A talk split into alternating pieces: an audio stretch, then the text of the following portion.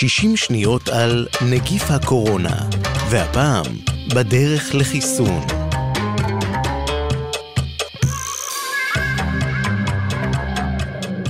כמה זמן יידרש עד שיימצא החיסון המתאים לנגיף הקורונה? הדרך להשגת החיסון שנויה במחלוקת, וכדי להבינה יש צורך לבחון את המבנה החלבוני של הנגיף החדש.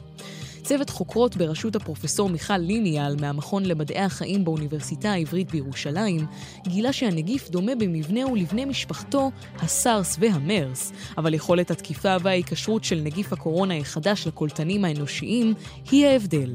בעוד שהסארס נקשר אל קולטני התא באופן קפיצי וגמיש, שטח הפנים של נגיף הקורונה גדול במידה ניכרת מזה של הסארס, ועל כן הנגיף נקשר חזק יותר אל התא. מכאן מסיקות החוקרות שיש ללמוד את הנגיף לעומק כדי למצוא חיסון.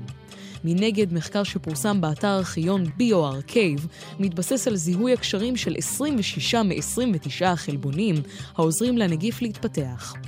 אחרי שבודדו החוקרים תאי אדם מהונדסים, הם מצאו 332 חלבונים המגיבים לנגיף, הן באמצעות המנגנונים שהוא מפעיל לשם שכפולו, והן בהשבתת פעולתם של מנגנונים אחרים. החוקרים טוענים שעתה כשהחלבונים הללו ידועים, הדרך לעצירת התפשטות הנגיף תתקצר מאוד. אלה היו 60 שניות על נגיף הקורונה ובדרך לחיסון. כתב ים גת, עורך ליאור פרידמן.